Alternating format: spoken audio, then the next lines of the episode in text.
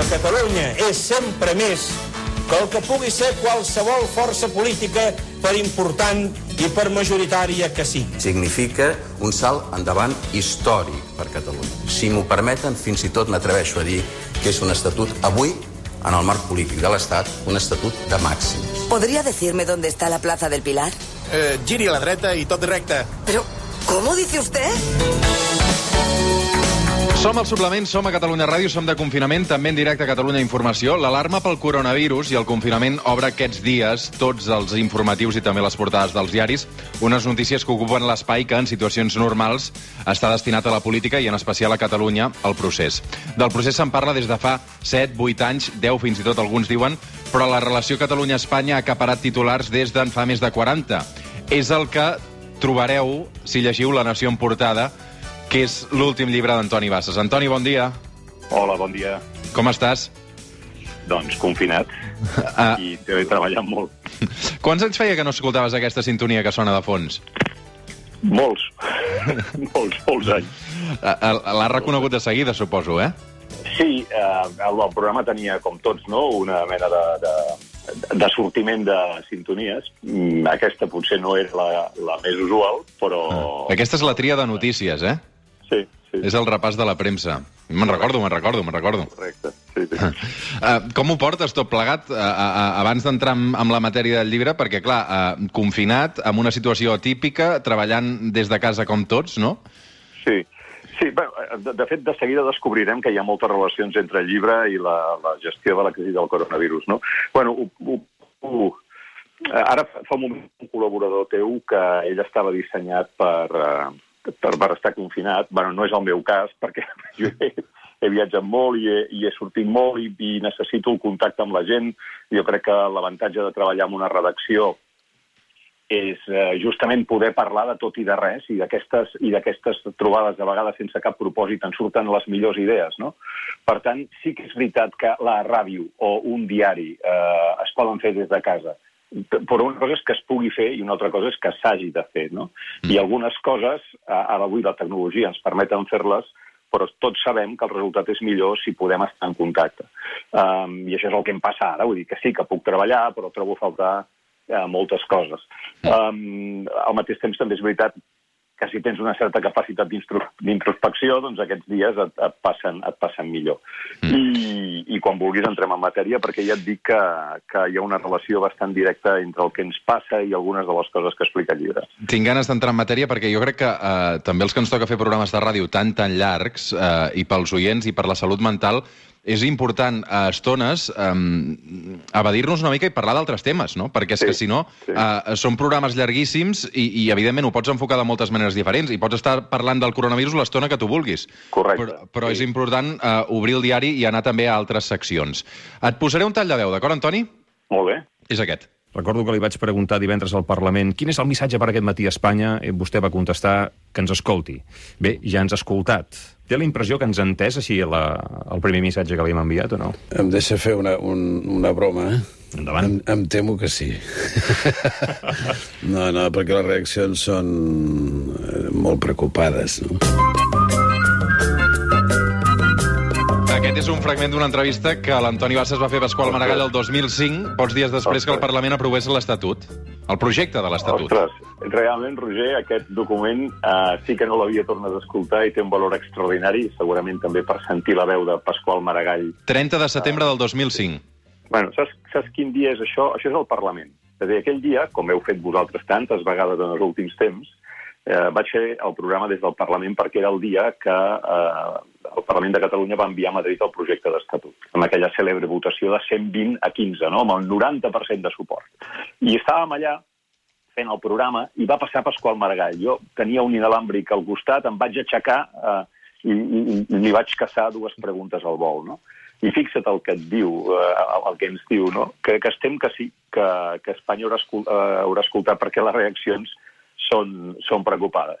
Bé, el que va passar aquell dia és que, en efecte, eh, Espanya, o el, el sistema, l'Estat, va haver d'entomar una notícia que no s'esperava, i és que el 90% del Parlament eh, li deia escolta, volem ser considerats com a nació i volem tot un seguit de qüestions, però aquesta sobretot. Acabem d'una vegada amb la ambigüitat que suposa que la Constitució parli de nacionalitats i regions, però no digui quines són, i que nosaltres estiguem eh, eh, afirmant des de fa dècades la nostra voluntat de constituir-nos com a nació i Espanya doncs, miri cap a l'altra banda. I, en efecte, les, hi havia preocupació per això, hi havia preocupació també pel sistema de finançament, però, sobretot, el que amoïnava era aquest salt endavant de Catalunya de dir, escolta, va, espavilem. No, no, no hi ha excusa perquè continueu sense desenvolupar una cosa que deu ser capaços de posar la Constitució al 78, amb les institucions eh, tot just eh, passades de les mans dels franquistes a la democràcia, però amb molts franquistes encara dins els aparells, deu ser capaços de posar nacionalitats i amb tant de temps, amb més de 30 anys, no heu sigut capaços de desenvolupar-ho? Doncs no, aquí teniu una proposta de desenvolupament. La resta de la història és, desgraciadament, coneguda. De fet, aquest llibre de l'Antoni Bassa surt d'una conferència que va fer el mes de setembre passat, precisament a Madrid, on va parlar sobre la història de la relació Catalunya-Espanya, analitzant precisament les portades dels diaris d'aquests 40 anys. Fem un salt en el temps, un salt en el temps. Hem parlat de... hem sentit Pasqual Maragall, anem a un altre president. que ningú tingui por, estem fent el que ens toca fer, estem fent el que hem de fer i ho estem fent en defensa nostra. Gairebé us diria que ho estem fent en legítima defensa. Aquest és Artur Mas pocs dies abans del referèndum del, del 9 del 2014. Uh, tu, clar, allò ja no et va tocar explicar-ho des dels micròfons de Catalunya Ràdio, um, perquè aquí ja havíem passat a una altra etapa, eh? Sí, uh, o sigui, la, sí, correcte. La, la història és um, l'any 77, quan arriba la... Quan, quan, quan mor Franco i Espanya s'encapina cap a la democràcia, hi ha un pacte no escrit, una mena de win-win, consistent a dir eh, Espanya sap que sense autonomia a Catalunya i al País Basc no hi haurà autèntica democràcia, però Catalunya sap que sense democràcia a Espanya no hi haurà autonomia a Catalunya i al País Basc. Aleshores, eh, eh, centrem-nos en això i fem possible les dues coses. I això es fa així.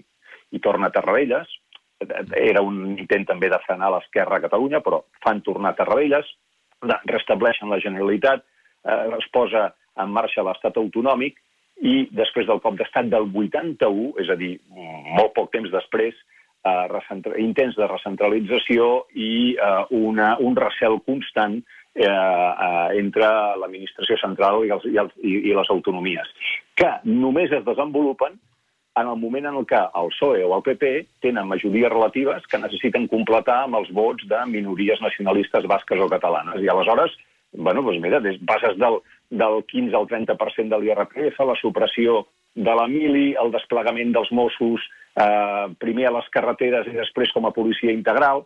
O sigui, abans, diguéssim, de resultats electorals, que des d'un punt de vista democràtic és fantàstic, però des del punt de vista de la planificació del desenvolupament de l'Estat parla de d'un d'unes necessitats de partit que passen per, per sobre de les necessitats planificades de l'Estat molt grans. No? I aleshores què ens trobem? Que això col·lapsa.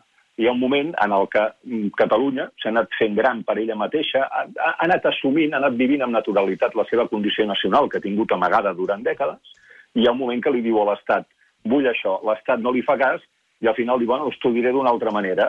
Convocaré la gent, és el 9-N, a una consulta que no té eh, una validesa jurídica ni, una, ni ha de tenir unes conseqüències legals, però una consulta en què la gent dirà eh, si vol o no vol ser un estat independent. I què es troben? Que hi van a votar 2,3 milions de persones. I això, com deia Maragall en aquella entrevista del 2005, encara això genera més preocupació.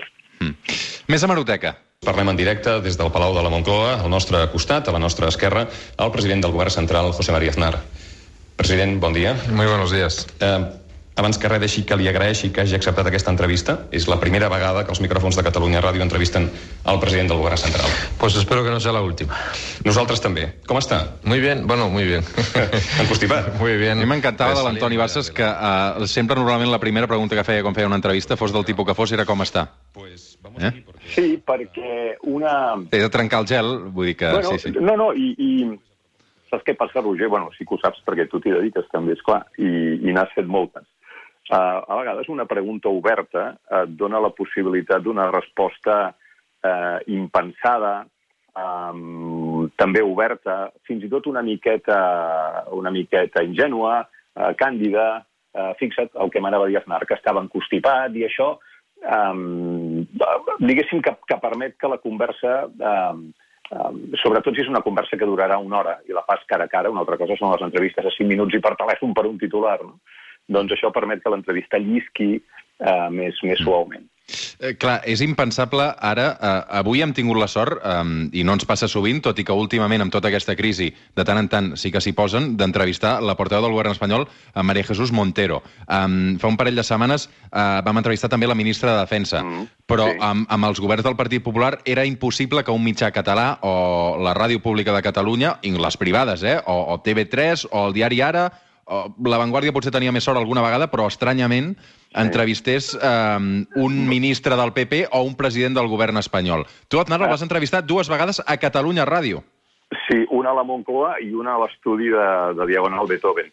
Però té una explicació, Roger, i és que en aquella època el PP necessitava els vots de Convergència i Unió, havia de dirigir-se amb especial interès a l'opinió pública catalana i, òbviament, quan volien fer això, doncs anaven a la ràdio de més audiència. I, per tant, eh, les coses, diguéssim, eren, eren relativament més senzilles.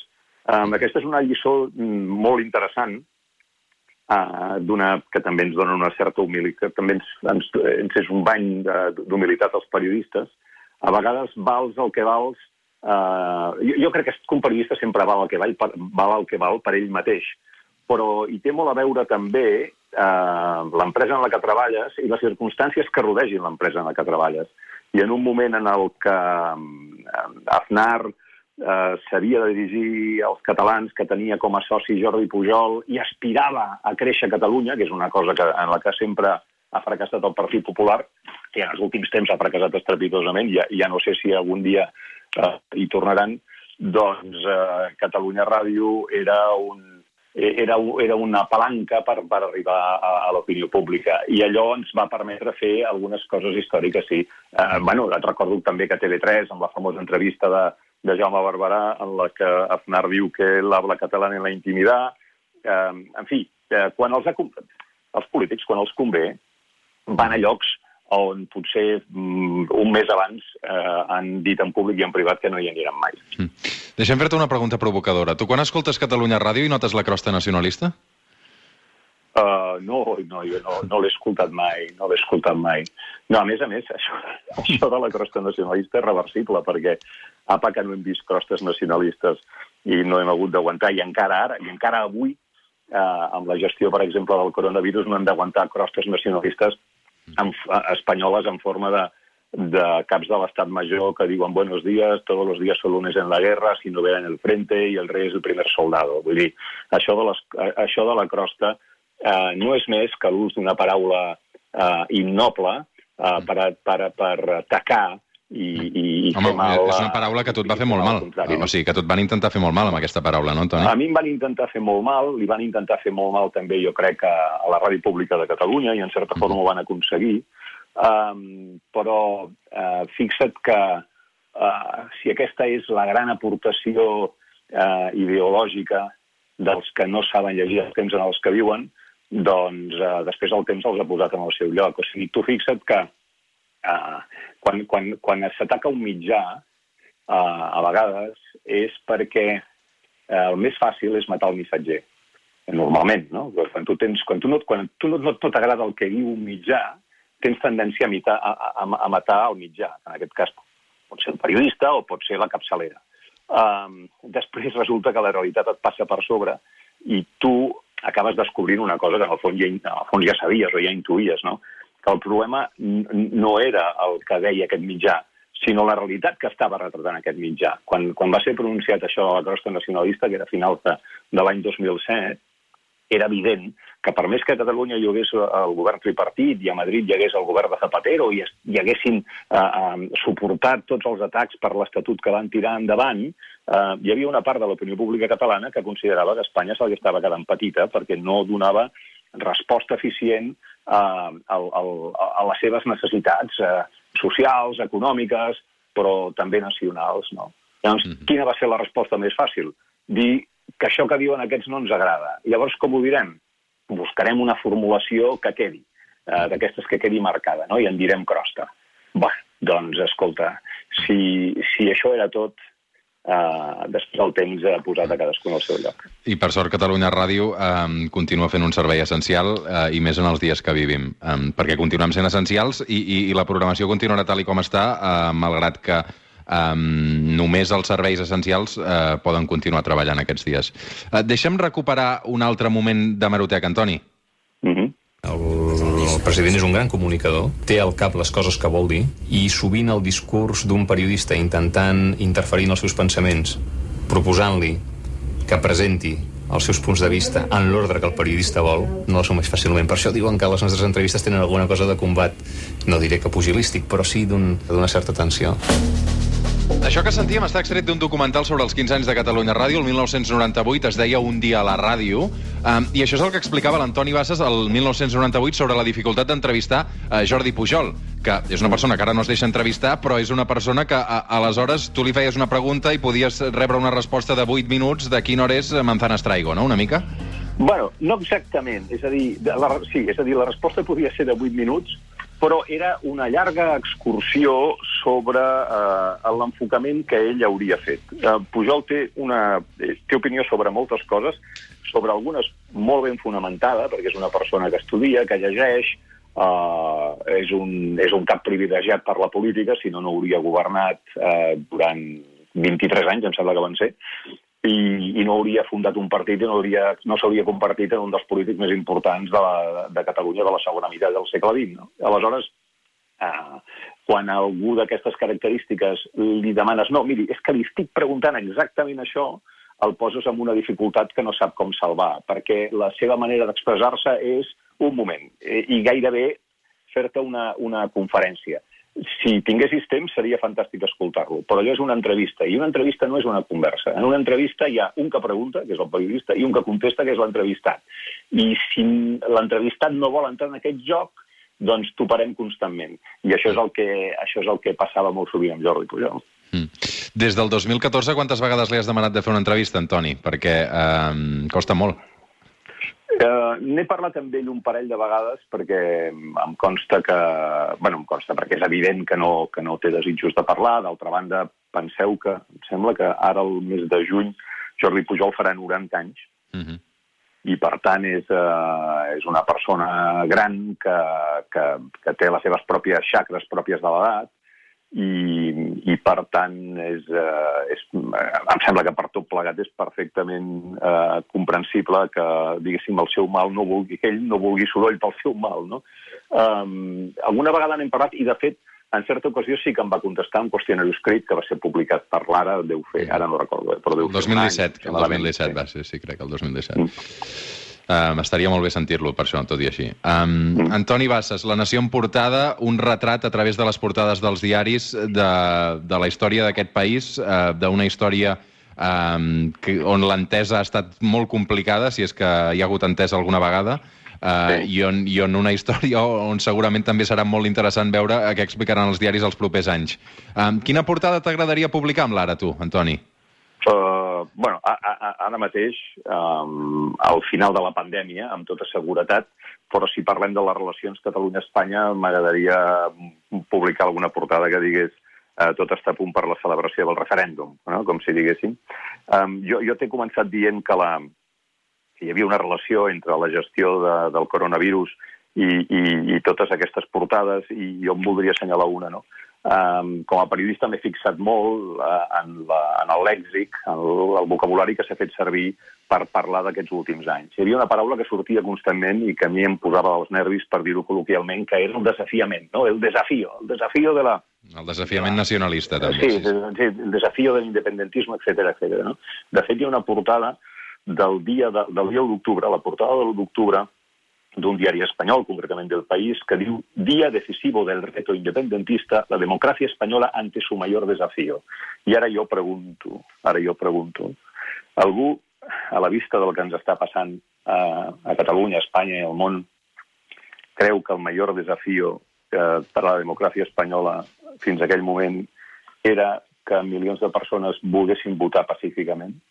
No donaríem el que no tenim perquè el problema que tenim ara fos solventable políticament, i en canvi ara fixa't que has de fer un enorme esforç sanitari, has de fer un enorme esforç econòmic en aquell moment tot era qüestió de voluntat política i en canvi se'ns presentava com el major desafío. En aquell moment em va semblar una exageració.